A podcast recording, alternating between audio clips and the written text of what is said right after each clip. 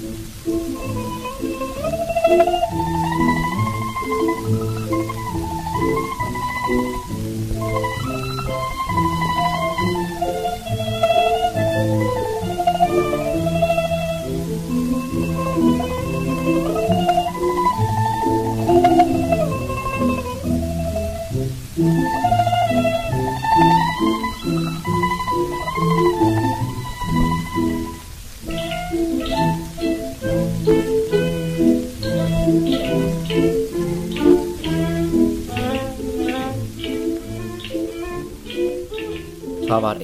Keisari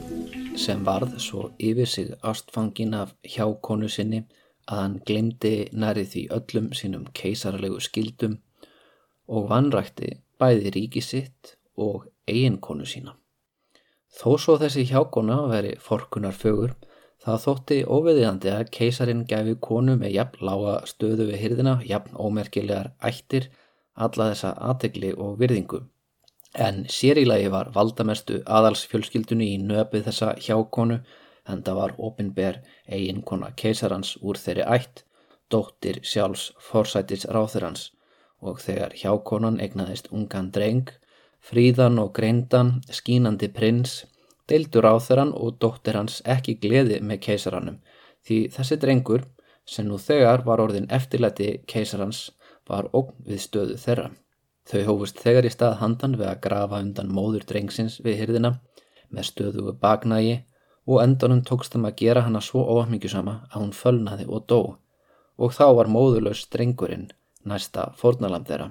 Drengur með jafn láborna móður getur ekki ert ríkið eðar hátegn. Það er all vanalegt að svona drengir séu teknir úr erðaröðinni. Keisarin, enn djúft sokkin í sorg sína, samþykti þetta án mótstöðum Enda hafði drengurinn ekki móður til að tala fyrir hans hönd og þannig fekk hann nafnið Minamoto. Þetta er atbyrðurásin í fyrsta kabla ævintýrisins um prinsinn Genji en þetta hljómar eins og eitthvað sem gæti raunverulega hafa gerst á heiam tímanum. Ef við til dæmis gefum valdaættinni nafn, segjum sem svo að hún myndi kallast Fujiwara, þá er þetta ansið kunnuleg atbyrðarás örlög þess að drengs að fá ættanafnið Minamoto eru sömu örlög og hér um byrju öll bönn keisara hlutu sem ekki höfðu móður úr Fujiwara ættinni. Þannig að þegar þessi saga var skrifuð í kringum árið þúsund kringum þann tíma sem Íslendingar eru að taka kristni þá voru nú þegar margir ættarliðir uh, Genji það er að segja, þetta getur rugglað mann svolítið í rýmunu Gen og Minamoto en sem sagt þetta er kínverst tákn að sjálfsögðum sem er notað til að skrifa eh, japansk orð. Minamoto er japanska orðið, merkir upprunni, vísar í það að þú ert af keisaralegum uppruna, þannig að þú ert með Minamoto, þú undirstrykar svolítið, þú sért svolítið merkilegur, en ert kannski ekki endilega hátt settur í, í embætismannakerfinu, eða ég vil ekki einu svona embætismannar, getur verið að þú sért uh, barna, barna, barna, barna, barna, barna, barna, einhvers uh, keisara og sért bara stríðismadur eða Eh, eiginkona einhvers stríðsmanns. En allan að þessum tímapunkti þá eru margir Genji ættaliðir. Gen er kínverska lesningin þar að segja. Eh, einhvern veginn þannig eh, hljómar táknið séð að lesið á kínversku. Þá er einhvers konar GE hljóð ég kann ekki alveg að fara með það. En G í þessu orði það er bara einfallega Uji eða ættbálkur þannig að Genji er Minamoto ættin Minamoto er nafnið. Og já, það er svo sagt fullt af þannig ættum, það er Saga no Genji, það er Seiva no Genji Murakami no Genji og þetta eru allt saman eh, afkomendur þá Saga keisara Seiva keisara, Murakami keisara. Og þeir eru þetta fullt af afkomendum af því að þeir áttu yfirleitt átta eða tíu jafnvel eh, hjákonur sem eh, sumar eignuðust eh, fjölmörg börn. Og hann ég held í tilviki til dæmis hans saga þá séum við að tala um 40 Minamotoa sem eiga svo allir sína ákomendur kannski svona mest áberandi eftirleiðurinn svo sem við hefum eftir að tala mest um í framtíðinni það verða ákomendur Seiva keisara. Seiva no Minamoto eftirleiðurinn mun leika stort hlutverk í næstu þáttum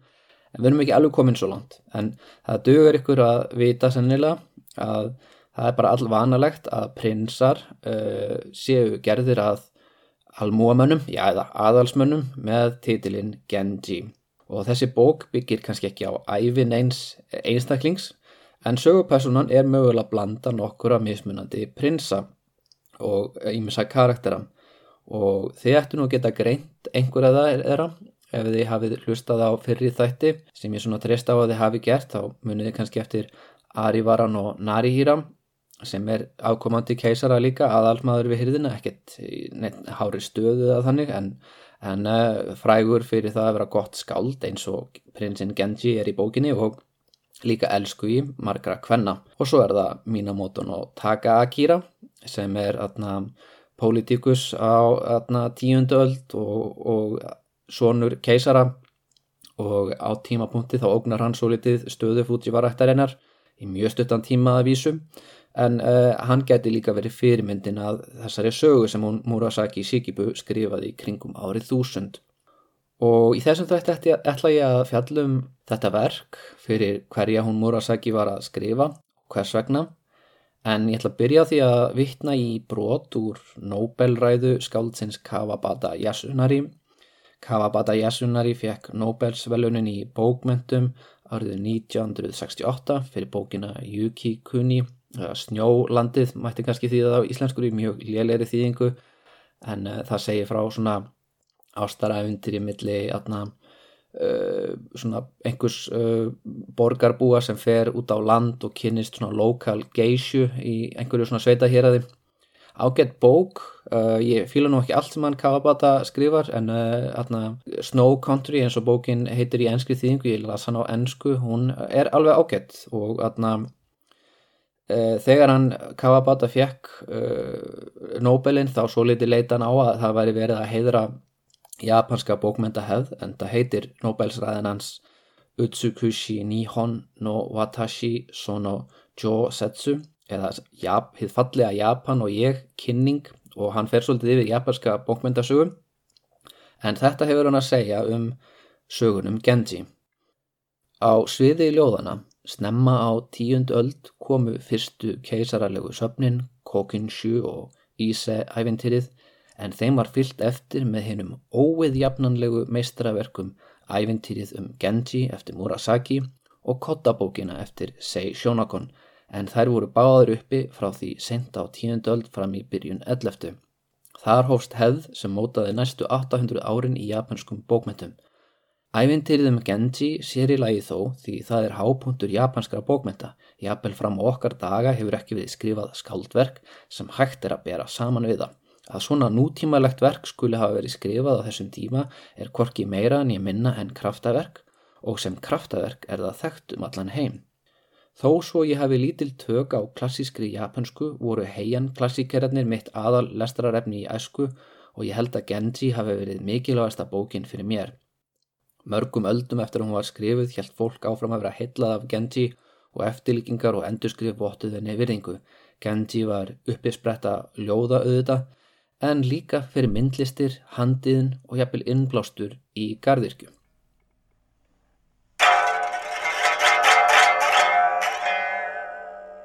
Já, þetta er engin smá meðmæli frá Nobel skáldi. Bók skrifuð í kringum árið þúsund er bara einn besta bók fyrir og síðar í sögu Japans og jafnvel fyrsta skáltsaga í heimi uh, já, alveg 600 árum áður en Don Quixote er skrifaður af Cervantes en við getum auðvitað að ríðast um hvort Genji sé skáltsaga eða ekki, það fer eða svolítið eftir hvernig við skilgreinum skáltsugum en uh, hins vegar er það alveg rétt sem hann Kawabata er að nefna að, að Genji bókin hefur innblástur í uh, svona skrautgarða. Það var verið að rækta uh, garda sem innihalda blóm sem koma fyrir í bókinni og reyna að endurgera senur jafnvel úr bókinni með, í jætna görðunum. Svo er það náttúrulega myndlistin, það er alveg ótrúlega mikið að myndefni unnuð upp úr þessari skáltsugu og handin er vantilega líka. Og bókin er ekkert svo ólík endilega svona 19. aldar skáltsugu að því letinu til að hún er skrifið eins og framhaldsaga. Þannig skrifaði Charles Dickens og Victor Hugo líka bækurnar sínar uh, Les Miserables og, og atna, hvað heita það nú atna, bækvöldnar eftir Dickens atna, Pickwick Papers og þannig þetta er skrifað þannig að, að kaplarnir byrtast í dagblöðum eða tímaritum og svo eh, kolla á kolli og Murasaki Shikibu hún skrifaði þannig fyrir lesendu sína hún skrifaði eitt kabla í einum yfir margra ára skeið og þessi kablar voru lesnir uppátt fyrir meðlemi keisara hyrðarinnar og allir hún hafi ekki skrifað þetta verk í meir en áratug. Eh, Við fylgjum í þessu verki sömu söguhetjum út æfiðra og við lesum ekki bara hvað þau eru að gera heldur komist við að því hvað þau eru að hugsa sem er svolítið óvinnulegt fyrir bók sem er skrifuð þarna á miðaldum. Við höfum það ekki í Íslandingasögunum við fáum bara lýsingar af atbyrðum höfundur njálu er ekki að segja okkur hvað Gunnar á hlýðarand er að hugsa eða hvernig húnum líður en við förum svolítið inn í uh, karakterina í bók Murasaki Shikibu hún er svolítið, þetta er sálræn skáltsa að, að einhverju leti og uh, margir hafa leitað einhverjum fyrirmyndum, einhverjum bókmæntalum fyrirmyndum en það magnaða við þetta er að Eh, þó svo sko það megi kannski finna innblástur úr einhverjum kínverskum söguljóðum eins og atna, Murasaki vittnar í, í fyrsta kaplanum í kínverst söguljóðum um hjákonuna Yang Wei-fei sem var hjákona kínversk keisara rosalega fögur og talin hafa allir því að keisarin vannrækti skildu sínar og, og, og svo framvegs en þó svo það kannski verið innblástur í einhvers konar atbyrðarás eða upphaf þá uh, er ekkert í stílnum svipað. Uh, veist, sögukvæðið er þannig að það, það horfir á atbyrður á svona utanfrá, við erum ekki að kynnast personunum á máta eins og við gerum í svona nútímæleiri skáldsögum og í Semonogotari það geti líka verið fyrirmyndum margir atbyrðir í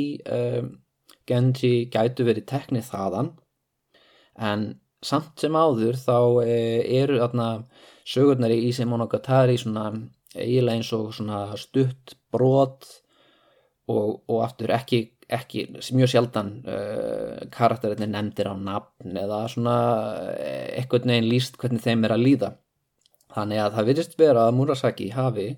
á eigin spýtur uh, fundið upp eitthvað sem líkist nútímalegri skáldsugum í ákveðnum skilningi. Og ég segi í ákveðnum skilningi að því bókin hún er ekki auðlesin og Það get ég óta fyrir, sumarið 2010 þá var ég að vinna á hóteli út á landi og var í freka mikill einangrun frá umheiminum, ég var á Hallamstöðum og ég tók með mér tvær stóra skaldsugur af því að ég er alltaf með svona bilaðan metnað e, snemma sumars. Maður ætti kannski bara frekar að lesa eitthvað svona fyndið, e, þú veist, lefa sér að njóta lífsins en þarna sérstaklega þegar ég var yngri þá var ég alltaf með atna, mjög metnaða fullt projekt sem snýðust um það eðalega fyrir mér sum, sumarið en ég tók með mér atna, Ulysses eftir James Joyce og ævintýrið um Genji og var að lesa það allt sumarið þessa þrjámhánuði sem ég var þar. Og þetta var ekki alveg auðvöldasta lastarærfnið en ég get óta fyrir hennu það að í samanbyrði við Genji þá er Ulysses svona frekar auðlesið verk. Uh, af því það er svo mikið í Genji sem er framandi og ekki auðvelt að átta sig á og mjög margt sagt undir Rós. Það er heian svona hagufræðin hún er uh, svo litið í því að hún segir ekki hreint út. Eins og til dæmis þá uh, er það aldrei sagt þegar Genji deyr það er bara svolítið gefið í skín sem er óvinnulegt því að hann er aðalsögu hittja bókarinnar. En þetta er bara eitthvað sem við verðum að átt okkur á þegar hann allt í hennu dettur úr sögunni. Svo er það líka þannig að, að fólk er stöðugt að, að eiginlega skiptum titla og nöfn er oft nefnt eftir titlunum sínum og við verðum svolítið að, að vera mjög vakandi til þess að átt okkur á að um sé að ræða sömu manneskuna sem kannski allt í einu í næsta kapla gengur undir öðru nafni að því hún er búin að fá stöðuhækkun við hyrðina en uh, nú ætlum ég að reyka smá að plottinu uh, og svo ræðum við samengi við samfélagið. Uh, bókin hefst á því að prinsinn Genji er gerður arflaus. Já, hann er ekki svo arflaus að hann verði einhver fátæklingun, hann fær auðvitað að lifa í vellistingu við hyrðina en hann fær ekki að vera erfingi krúnunar og hann missi móður sína þegar hann er enþá ungu drengur en uh, hann fær að alast upp inn í kvennabúri föður síns og þar kynist hann nýri konu. Þetta er úlingstúlkar sem nefnist Fujitsubo og hún er af nægilega góðum ættum til að bera erðaprins en hún þykir líka ofennu lík móður hans Genji sem er hlut af ástæðu þess að keisarinn verður ástfangin af henni svo. Og þessi kona sem er lík móður hans Genji byrjar að ganga Genji í móðurstað, hún er í orðin stjúpmóður hans en það er samt bara nokkur ár á millið þeirra. Og þau verða þess vegna þokkalegir vinir líka, hún er úlingur, hann er stráklingur, hún er gift gömlum keisara. En uh, á ákveðnum tímapunkti þegar Genji er svona dett í það að vera kynþróska þá byrjar hann að verða skotin í þessari konu þessari konu sem líkist móður hans og er stjúpmóður hans. Og um, Þetta er á þetta allt saman óviðjandi kendir og á endanum þá er Genji orðin og fullorinn til að mega vera innan um hvernabúrið og honum er fundin eiginkona og hann er settur út, já hann fær ekki að fara aftur aðna innfyrir sem honum finnst mjög erfitt. En hann giftist vel, hann giftist dóttur ráþara vinstrisins en hann gleymir aldrei Fujitsubo og síðar í skáltsunni þá endar hann á því að sofa hjá henni og hún verður ólétt og eignast dreng sem er eignaður keisaranum en er í raun sonur hans Genji og sástrákur verður síðan meir keisari og skipar Genji svo í mikilvæga stöður við hyrðina þegar hann átt að segja því að Genji er hans raunverulegi fadir. Uh, inn í þetta blandast ímislegt annað, Genji verður útlagur ákveðnum tímapunkti og hann finnur sér líka uh, aðrar konur, aðra móður staðgengla mætti mér þess að segja því að þetta er öllna bók sem Sigmund Freud myndu eflaust hafa gaman af þótt ég efistum hann hafi komist í tæri við hana. En hún samt ekki útlokaða því að hún var til í þýðingu á einhverjum Evropumálum kringum árið 1920 og já, fleiri ástarsambönd er í bókina sjálfsögðu, Genji er giftur konu sem nefnist Æ, samband þeirra gengur erfilega í einum kapla þá reynir hann við konu og laumast heimdilennar en þegar konan er ekki heima heldur yngri bróðurinnar þá endar hann á því að sofa í honum sem sýnir svolítið hvað svona heiansamfélagið er frekar frjálslind, þetta er ekki, ekki gert mikið málutuði, það er bara uh, Genji á í sambandi við, við kallmenn líka í bókinni. Uh, hann stopnar til sambands við konu sem nefnist Rokujo, er aðals konaðarna við hyrðina. Hún verður svo ástfangin af honum að hún verður það aðbríður sem að andi hennar byrjar að valda veikindum hjá eiginkonu Genji og leiður hann að lókst til dauða. Uh, og það gerir Rokujo ómeðvitað þar að segja að andi hennar fer úr líkamennar þegar hún sefur og aðna veldur sér sagt uh, veikindum aðna hjá æ og þetta vitu að því einhver særingamæður er fenginn til að, segja frá þessu. Það er aðna annar mjög aðtiklisöru karakter í bókinni og það er stúlkan Murasaki. Uh, Murasaki er stúlka sem Genji rekst á meðan henni er í útlegð í, út í sveit uh, fjarrri hyrðinni og hann sér þessa stúlku og hún minnir hann á Fujitsubo og hann Genji ákveður að alana upp, hann ætlaðir hana og ætlar að gera úr henni hinn fann hinn að fullkomnu konu. Og þegar hún er uh, orðin og gömul uh, ætlar hann að finna hann þannig eigimann, hún er alltaf að býja til því. En hann endar á því að uh, átt að segja á því að eini eini eiginmaðurinn sem hendar þessari konu sé hann sjálfur.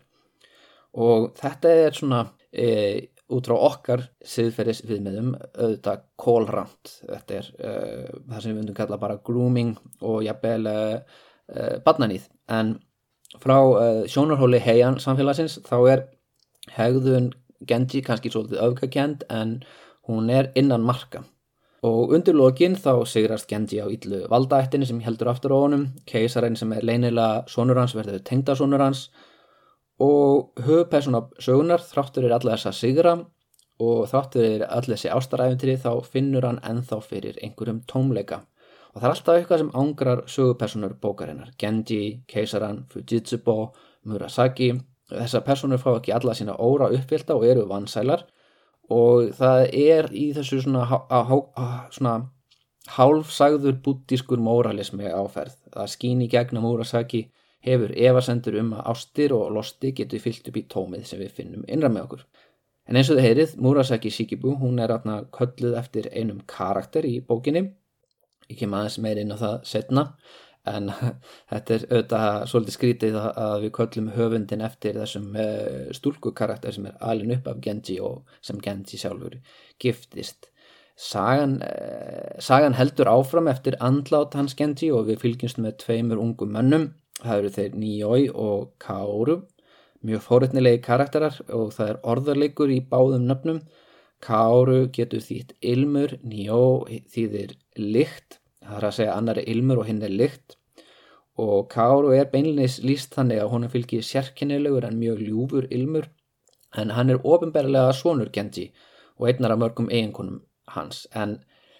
en hann er í raun svonur frænda hans Genji sem átti í ástaræfindri með uh, þeirri konu og Genji sjálfur hann verðist átt að segja á því að Káru sé ekki raun svonur hans en Hann lætur sér það í létturúmi liggja að erfingi hans sé ekki hans sonur. Hann sér kannski í einhvers konar karma því hann badnaði jú stjúpmóður sína og, og það verið kannski svolítil hræstni ef hann væri reyður út í vanrækta eiginkonu fyrir að leita ástar annað. Þetta er ekki eitthvað stór mál í þessum heimi,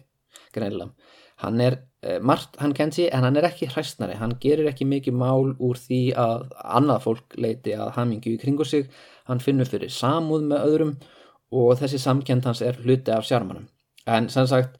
E, bæði Nio sem er raunverulegur afkomandi Genji er dóttursónur hans og, atna, og Kaoru þeir erfa hluti frá Genji. Kaoru fær sjarmanans en er kaldlindur og hefur ekki sama umburðalindi ekki sömu lífsgleði eða samkend e, en hann er mjög heitlandi og, og svona, svona hættulugur maður kannski sem að heillar konur. En e, Nio hann hefur personleika Genji hann hefur uh, þessar þrár og hann hefur þessar samkend en hann, honum skortir personutafrana og þeir eru báðir svona eins og ofullkomnar útgáður af sama manni en verða svo keppinautar um hilli sem er kvenna í log bókarinnar sem endar mjög skindila eftir meirinn 50 kabla og hún endar eða það skindila bókina sumur haldaða að hún sé ekki klárið þar að segja Murasaki hafi dáið í miðju kafi. En svo eru aðrir sem benda á að það væri mjög í anda hennar að að fara bara með hálfkvæðina vísu og enda sögun í miðju kafi, leifa henni að fjara út frekar henni að koma með einhvern stóran punkt í lokin. En þá hef ég sagt frá bókinni svona í grófum dráttum, en uh, fyrir hvern var hún, hvers vegna var hún skrifuð og hver er þessi Murasaki Shikibu? Nú, þið sem hlustuðuð á þáttinnum Sei Shonogon í síðustu viku, þið verðið sannlega ekki hissa á að heyra að við vitum ekki hvað Murasaki Shikibu hétt raunverulega. Eh, við vitum hins vegar hvað fadirinnar hétt og hvað eigin maðurinnar hétt en uh, nafn á heian konum uh, þau eru mjög illa varfitt, þau fara ekki inn í svona ofinberrar skrár í stjórnsíslunni. Eins og þið munið þá var Sei í Sei Sjónagón gælunafn stittri útgáð af ættanafni hennar og Sjónagón er vísun í stöðu sem annarkvort eigin maðurinnar eða fadir átti. Murasaki er merkir fjólublár en þetta er já, nafn á einn helsta kvenn karakter sögunar um Genji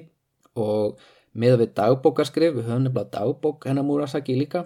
ekki bara skáldsögun, heldur líka dagbók uh, höfundarins. Og samkvæmt henni þá er Murasaki uh, gælunafn sem fólk er farið að kalla hana. Já, og fólk sem hefur lesið bókina og sér í þessari Murasaki, þessari eiginkonu Genji uh, að hún sér eitthvað hluta af höfundunum já, kannski er þetta bara svo vinsall karakter að þeir ákveða að kalla höfundin eftir uh, uppfinningu hennar. En Sikibu það er ekki ættana Sikibu er eitt af ráðuneytunum í gamla heian stjórnskipulæginu það verður þetta alls konar ráðuneyti hernaðaráðuneyti, fjármálaráðuneyti mentunarráðuneyti sem herðu undir þessi stóru vinstri og hægri stjórnaráð en um, Sikibu eh, var ráðuneyti sem þætti svolítið óvinnulegt í nútíma stjórnskipulægi þetta er ráðuneyti helgisiða en embætismenn í því ráðunetti eru að gegna mjög mikilvægul hutverki því að það, réttir siðir eru stórt atrið í konfúsianisma og svo líka þá aðna, þarf að passa sig á að, að virða Guðin og, og framkvama svona trúaratar með rétt því það getur verið spurningu um líf og dauða jafnvel, uh, hvort það sé góð uppskera, hvort það verði stormar, eldgós eða flóð og þurkar á næsta ári, þetta skiptir alltaf með miklu málið að helgisiðinni séu rétt framkvæmdir fyrir utan það að, að Konfúsius segir að ef að uh, keisarinn hann fer með rétt að siði þá verður sagt, stöðuleiki í ríkinu. En uh, sem sagt uh, eigin maðurinn að Murasaki Shikibu hann hefur verið einhvers konar helgi siða svona gæða staðla atna, vörður og vinnur í þessu ráðunetti og þess vegna er hún kvöldu Shikibu og það er eiginlega svolítið til þess að fólkið í kringum hana viti Eh, hvernig það eigi að áarpana þar að segja hvar hún er í kokkunaröðinni við hyrðina því að það veldur auðvitað á stöðu eiginmannsins og ef hún væri ógift þá myndi það velta væntilega á því eh, við hvað bróður hennar eða fadir væru að vinna. En við skulum ekki ímynda okkur að Murasaki hafi bara verið eitthvað viðhengi við eiginmannsinn við keisarahyrðina. Það væri raunglýsing á stöðunar. Hún fekk nokkuð óvanalegt uppeldi fyrir konu á heian tímanum Fadur hennar sem var uh, landstjóri yfir fjarlagu héræði í norðurluta Japans tók hana með sér norður, meiri segja þegar hún var á giftingaraldri og uh, leiði henn að lesa sér til og menta sig eins og hún var í kallmaður og gifta sig setna. Hún giftist reyndar frænda sínum sem var ekkert óvinnulegt á þessum tíma, manni sem nefnist Fujiwara no Nobutaka. Hún var ekki fyrsta eiginkonas, hann var talsveld eldur en hún en þau egnuðist eina dóttur sem var sjálf síðar skaldkona og sumir halda að uh, hún dóttir þeirra sé höfundur síðustu kaplana í sögunum Genjin en við getum auðvitað ekkert vitað um það fyrir víst. En eins og þið heyrið, Murasaki hún er gift Fujiwara og hún er frænka þessa manns líka, fadur hennar er líka úr Fujiwara-ættinni og þau eru meirið sér úr þessum uh, ættlegg Fujiwara-ættarinnar sem heldur um völdin í Japan. Uh, þar að segja uh, Fujiwara no Michinaga sem er þá nýjórðin ríkistjóri Japans þegar þessi bók er skrifuð. Hann er frændi hennar Murasaki en þráttið það þá er fadir ennur eigin maður minniháttar ennbætismenn þau hérna, eru ekki að njóta uh, þess alveg almennilega að, að frændið er að sé valdavinstir maður ríkisins. Já þeir eru auðvitað að njóta þess að einhverju leiti sko, ég menna það er ekkit slórendilega að vera landstjóri eða eitthvað svo leiðis en atna, Murasaki hún fær sérstaklega að njóta þess uh, því að hún er fengin til hýrðarinnar af Fujiwara no Michinaga uh, til þess að aðstóða dóttur hans og á þessum tímapunkti þá ríkir kallt stríð við hyrðina að því fyrsta sinn í sögu Japans eru tvær keisarinjur. Einn þeirra, kölluð Teishi, hafi verið gift keisaranum þegar hann var ekki einu sinni orðin úlingur. Hún sjálf alla kynþrósk á þenn tíma og það var fadir hennar, eh, Fujiwara no Michitaka, sem að sjálfsögðu léttuð giftast, hann var þá ríkistjóri. En Michitaka, eins og ég nefndi í sísta þætti, hann dó einugis færtur að aldri úr sikursíki sikursíki 2, ekki meðfætt heldur áunin uh, og eftir skamvinna valdabáratu þá rökklaðist bróðir keisara einjunar frá hyrðinni og í útlæð og það var yngri bróðir Michitaka í stað svonarans uh, sem tók völdin. Það var hann Fujiwara no Michinaka. Hann gætt gert það því hann auðvitað stuðnings uh, móður keisarans sem er líka sýstir hans og vildi af einhverjum ástæðum frekar frá bróður sinn heldur en bróður són Uh, þetta er eitthvað svona, einhver svona fjölskyldu dýnamík sem er, við vitum svo sem ekki af hverju þetta ægslaðist þannig það getur verið mjög persónulegar ástæði fyrir því að Michinaga vinnur valdabáratuna, það getur verið persónulegt sambandans við móður keisarans, en að keisarin er á þessum tímapunkti það ungur að og það kannski það áhrifakjarn að hann hefur ekkit mikil áhrif á þetta. En já Teishi er þarna einhverja síður, hún er gift keisaranum og Michinaga getur ekki tekið af henni þess að tygg keisara einju á þess að hún brjóti eitthvað af sér og það myndi allan að valda miklu nexli en uh, hann veit að ef að hún egnast erfingja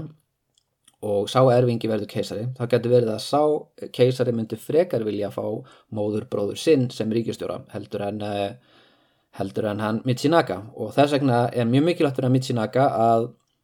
Dóttir hans giftist keisaranum, eignist með honum són sem getur orðið keisari og til þess að það gangi upp þá verður hann að koma þessum e, dóttur sinni sínum á undan í erðaröðunni svo hann býr til nýjan titil e, sem er líka keisarinja. Þetta er sagt, það eru tvær keisarinjur, þetta er ekki sama ennbætti nákvæmlega en það eru sama staði í virðingar steganum og það var engin að fara að andmala Michinaga ofhátt ofinberlega þó svo þetta væri mjög nextanlegt það þótt út í hött að hafa tvær keisarinnjur þráttur allt en hann hafði stríðsmenn í þjónustu sinni sem gáttu ógnað fólki með opbeldi ef út í það var farið. Eh, það skipti máli að muna það stundum að, að, að þetta er ekki allt saman bara svona e, svona ættarmóta erjur. Þetta getur farið í hart og, og fólk þarna er meðvitað um það. En sem sagt árið þúsund Þá varð dóttir Michinaga, hún Shoshi, gerða keisarinju, en þá var hún bara 12 ára gummul og Ichijo keisari, hann er 20 ára og Teishi keisarina er 23 ára gummul og er nú þegar búin eignast svon. Þannig að þið getur ímyndað ykkur, það er ansið mikil pressa á þessara 12 ára stúlku, uh, það er mikil munur á því að vera 23 ára og að vera 12 ára og Teishi hefur reynsláði að vera keisarinja í alveg núna áratug Þannig að, að hvernig ámaður að, að aðstóða hana Shoshi við þetta verkefni? Nú, það er fengin frænka hennar til að koma til hýrðarinnar, meðal annars til að kenninni og það er hún Murasaki Shikibu og þarna það er hugsanlegt að hún sé svona mótspil við uh, annan karakter sem ég fjallaði með síðast að þetta, hana Sei Shonokon.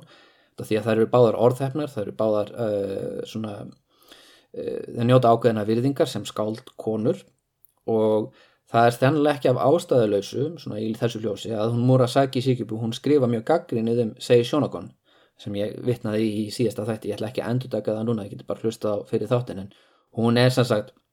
skrifar að, að Sei Shonokon líti alltaf hátt uh, á sig. Sei Shonokon verist sjálf ekki aðna, svara þessum hún uh, hefur ekki skrifað neitt um Murasaki Shikibu svo ég viti. En uh, af hverju er hún Shikibu ráðin? Jú, það er að því hún er góð skáldkona. Þykir bráð gáfið, uh, hún er mjög alvörugefin, hún er frekar feimin en mjög vel að sér í kynverskri tungu og skálskap og hún fer í það að skemta ungu drotningunni og kenninni og hefur sannlega haft gríðarlega áhrif á hana því að Shoshi hún fór að skreita höllina með kynverskum taknum og kynverskum ljóðum sem þótti ekki mjög kvenlegt. Uh, það þótti mjög uh, kallmannlegt að skrifa á kynversku kvenmenn voru meira að skrifa á japansku á já, móðumálinu en uh, sem sagt hún sjósi skreitti með kynverskum táknum og atna, var ekkert feimin við það að, uh, yfka kynverskan hvaðskap og fara þannig inn á yfiráðasvæði kallmanna með því. Og þannig talið að hún Murasaki hafi svolítið atna, haft áhrif á hann í þessa átt. En sem sagt Murasaki er þó þráttur allt þetta frægust fyrir bókina um Genji en fyrir hvern er þessi bók? Eh, eitt af því sem er svolítið skrítið við hann er það að hún er skrifið á konu úr Fujiwara ættinni og lesendu bókarinnar eru konur í þjónustu drottningar af Fujiwara ætt en það má lesa bókina sem uh, harða gaggrinni á Fujiwara ættina líka. Að því að samúð okkar er með þessum Hikaru Genji sem missi stöðu sína sem prins út af pressu frá valda ætt sem er greinilega Fujiwara ættin en uh, kannski það getur vel verið að, að ástæða þess að hún Murasaki fær að skrifa þetta að það að fólk tekur ekki svona bókmentir og æfintir í sérstaklega alvarlega. Fujiwara Michinaka dettur ekki huga að reytskoða þetta. Hann í dagbókarfæslum Murasaki þá vittnar hann meiri segja í þessa bók og vilist hafa gaman af. Vilist bara hafa gaman af því að lesa um yllu valdættina sem eh, minnir svo mikið á hans eigin valdætt. Og aðna hann kallar sér satt uh, Murasaki, Murasaki það virðist vera með þess að Michinaka uh, það getur verið að það sé hann sem startar það að kalla hana Murasaki. En uh, hugsanlega ef að segi Shonogon eða einhver annar hefði skrifað þessa bók sem var ekki beint skildur Fujivarættinni þá hefði það kannski litið öðruvis út ef einhver úr key-ættbalkinum hefði skrifað eitthvað svolítið því að við vitum til að, að svona skaldskapur hefur notaður til að skjóta á keisara í fortviðinni til dæmis með sögunum um hann Arivara Narihira sem átti í sambandi með keisarin ef, ef markam á Ise Monogatari. En uh,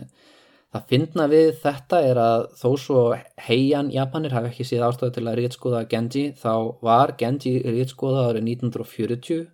af stjórnvöldum í Japan. Og það var út af því að þeim fannst framhjáld uh, Fujitsubo með Genji vegað heiðri keisarættarinnar og hreinleika ættalínunar og það sýnir náttúrulega það bara að þarna að, að fasistar á 20 öld eru miklu miklu hörundsarari heldur en heldur en konungur og aðalsfólk á miðöldum sem bara einfalla sér ekki ógn í svona, sér þetta bara eins og hvaðan að grín. En eins og áður segir þá er Murasaki aðalega að skrifa þetta fyrir konurnar við hyrðinni þó svo sögu heiti hann sé kallmaður þá snýst sagan eh, mikið til um konurnar sem hann á í aðstáraæfinturum með. Og það er mikið talað um eh, eðlikonunar í bókinni, hvað sé góð kona og það eru ymsar konur sem verða á vegi hans skenti sem eru svona eins og sínidæmi um uh, kosti og galla hvenna og í einu öðru hlaðvarpi sem ég verði að hlusta á The History of Japan sem hann Ísak Mæger er með þá uh, líkta hann þessu saman við Twilight seríuna. Og mér fannst það svolítið góð líking út af því að, að alveg eins og Edward Cullen 100 ára gamla vampýran sem að byrjar að, með uh, einhverju 16 ára stelpu Uh, þá mjög svipað og hvernig hann Genji í rauninni finnur einhverja sveitastúlku sem er bara 15 ára og, og, og giftist henni. Nú þá atna, glitrar hann uh, Genji. Hann, uh, já, verðist bókstæðilega glitra í bókinni. Og atna, Já, þetta er hugsanlega, hugsanlega líka smá 50 Shades of Grey í þessu, maður veit ekki, það er allavega einhver fantasia í þessu sem atna,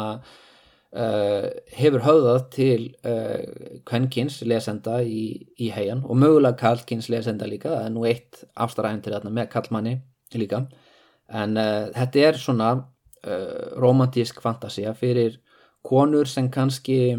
hafa ekki mikið af romantík í sinu hverstags lífi, allan ekki allar þó svo einhverja þeirra kannski vaði í kallmennum, kannski einhverja svona eh, félagsfyrir eins og segi Sjónokon. Nú, því miður er upprunalega handritið af Genji löngu tínt en það hafa varfist um 300 handskrifuð eintök frá miðöldum uh, hafa verið enga eigu aðalsfólk sem létt kopið þetta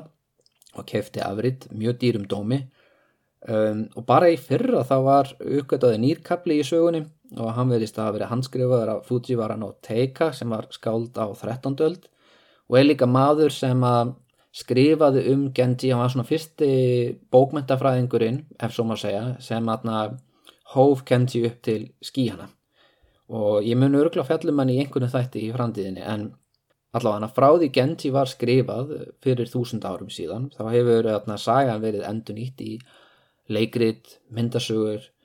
og nú í nútímanum teiknimyndir, leiknar bíómyndir, þáttaræðir og þetta hefur verið þarna, vinsælt lesefni meðal almennings alveg síðan prentvilar byrjuði að afrita verkið á átjándöld. Síðan var Genji þýtt yfir á eh, evrósk mál undir lók 19. aldar og vakti þokkala aðtikli á þriðja áratug 20. aldar en það var mótenismi þá í fullum gangi og fólk kannski svolítið móttækilegt fyrir svolítið skrítnum texta texti Genji er auðvitað svolítið skrítin í samanbyrðu við uh, evróskar bókmyndir en uh, mér langar að ljúka þess að þætti á því að tala um eitthvað annað en hann Genji. Ég ætla samt að tala um það sem hún Murasaki hefur skrifað af því að atna, hún skrifar mjög aðteglisverða hluti í dagbókina og atna, dagbók hennar eins og Kotabók Seishonokon er rosalega merkileg heimild og atna, eitt af því sem ég finnst merkilegt er að hún skrifar um keisaralega fæðingu. Hún sem hyrð með er viðstöld fæðingu Atsuhira sem er fyrsti sónur hennar Shoshi það, hún egnast hann árið 1008 er þá um tvítugt.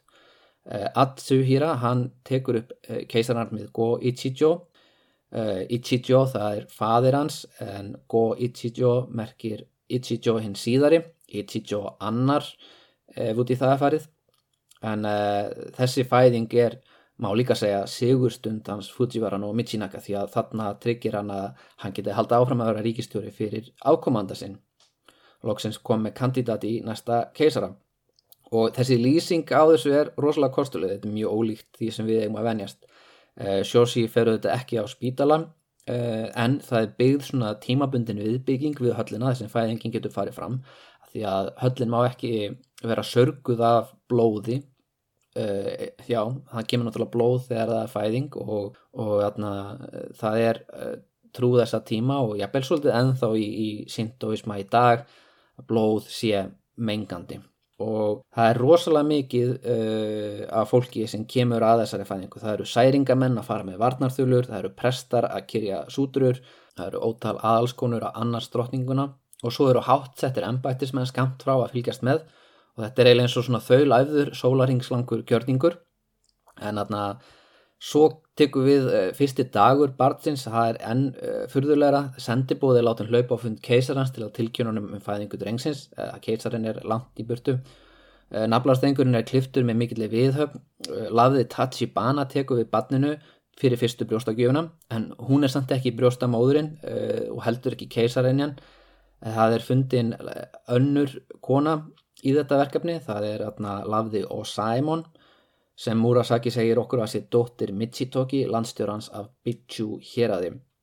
og eiginkona hírónar í Hirðaldsmistara við fáum allar þessar upplýsingar í þessu. En sem sagt, eh, Lafði Tachibana fær þann heiður að halda á unga barninu, taka það frá móðurinni, rétta brjósta móðurinni sem er uh, ekki nógu hátt bórin til þess að bara taka það beint frá keisarinnjunni en hún er samt ekki það lágbórin að það sé litið það mikið niður á hana, hún er nógu, nógu lágbórin til að uh, sinna verkefni eins og brjóstakjöf sem er líkamlegt verkefni en nóga hábórin til þess að fá að annast keisara eða verðandi keisara. Svo skrifar hún Murasaki fyrsta baðið fór fram um kvöldið að tíma hanans, tel ég. Smá innskott hérna, það er klukkan 6 eh, um kvöld. Kindlar voru kvektir og þjónar hennar hátegnar klættir í kvítan skrúða og grænar skikkjur komu berandi inn heita vatnið. Standarnir sem heldu uppi baðkarnu voru þaktir kvítum klæðum. Chikamitsu höfuðsmaður vefnaðarstóðu hallarinnar og Nakanobu æðsti fylgdamaður báru karið að tjöldunum og afhendu konunum fyrir innan. Annað einskott hér, karlar megi ekki farin á kvennasvæði, þau eru aðskilin yfirleitt með svona pappiskjám eða tjöldum og einhvers konar gardínum. En þeir sem sagt, uh, það koma kallar sem er að bera uh, atna, bera baðkar. Eða bera stort kar með fullt af heitu vatni Chikamitsu og Nakanobu afhendu ílátin laði Kyoiko og Harima sem aðduðu hvort vatnið væri öruglega volt. Síðan fylgdu Omoku og Muma 16 könnur með vatni og heldu restinni yfir í baðkarið. Þær voru allar vaðar grísjum og klættar jökkum úr tafti og hárið mjög viðkonarlega uppstilt með hárpinnum og hvítum slöfum. Lafði Sæsjó annaðist baði sjálft og lafði Dainogon var aðstofakona hennar. Þær voru í afar ofennilugum svundum en litu glæsilega út. Eins og þið heyrið þá verið að baða dagsgamalt bann í fyrsta sinn og það eru að minnstu kosti sex konur að vinna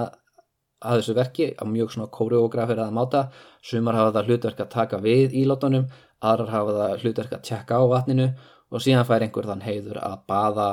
badnið með einni aðstofakonum og það eru öruglengur áhörindur þarna sem Murasaki nefnir ekki en hún sjálf er mögulega viðstödd uh, nema að það sé einhver annar viðstættur sem segir henni hvernig þetta fóð fram og hún sé að lýsa því í dagbókinni. Það getur auðvitað bæði verið. Uh, næsta er svo enn kostulegra Hans Hágaugi, ríkistjórin, mæti með dóttursón sinn í fanginu og afhendir hann þessum konum. En undan honum þá gengur lafði Koshosho með sverð og Miyano Naishi með tígri stýra á höfuð. Og það fer fram stutt aðtöfn þessum höfukúpinu og sverðinu er seiflað fyrir ofan badnið til að fæla burtu ítla anda. Og það er svolítið skemmtilegt að þau séu með tígri stýra á höfukúpu að því að það er engin tígri stýr á e, japansku eigunum þannig að þetta er greinlega höfukúpa sem er innflutt uh, fengið frá Kóru eða Kína á einhverjum tímanbóti og hefur einhvern veginn uh, lent í, uh, í vörslu keisarættarinnar sem notar þetta til þess að fæla burtu ítla anda. Svolítið skemmtilegt. Og þarna, það er svolítið skemmtilegt að lesa um það hvernig það eru særingamenn að vinna bara allan sólaringin að því að, að fæla burtu ítla anda, það er bara þarna, mikið að fólki að kyrja alls konar vendar þulur bara til þess að þarna, tryggja það að nýburinn Eh, verði ekki ásóttur af íllum öndum eða veikist ekki þar að segja. Því að á þessum tíma þá er öll veikindi álitin árásir frá íllum öndum að næsta sem gerist er það að eh, sinni Michinaka þeir farum hafa hátt og kasta hrískrónum í allar áttir eh, og aðrir háttsettir embætismenn eins og til dæmis einn landstjóri mætir á staðin og byrjar að lesa upp fyrir badnið meðan það er í baðinum. Og það sem ég hef verið að lesa upp er meðal annars teksti eftir sagfræðingin Suma Chan sem var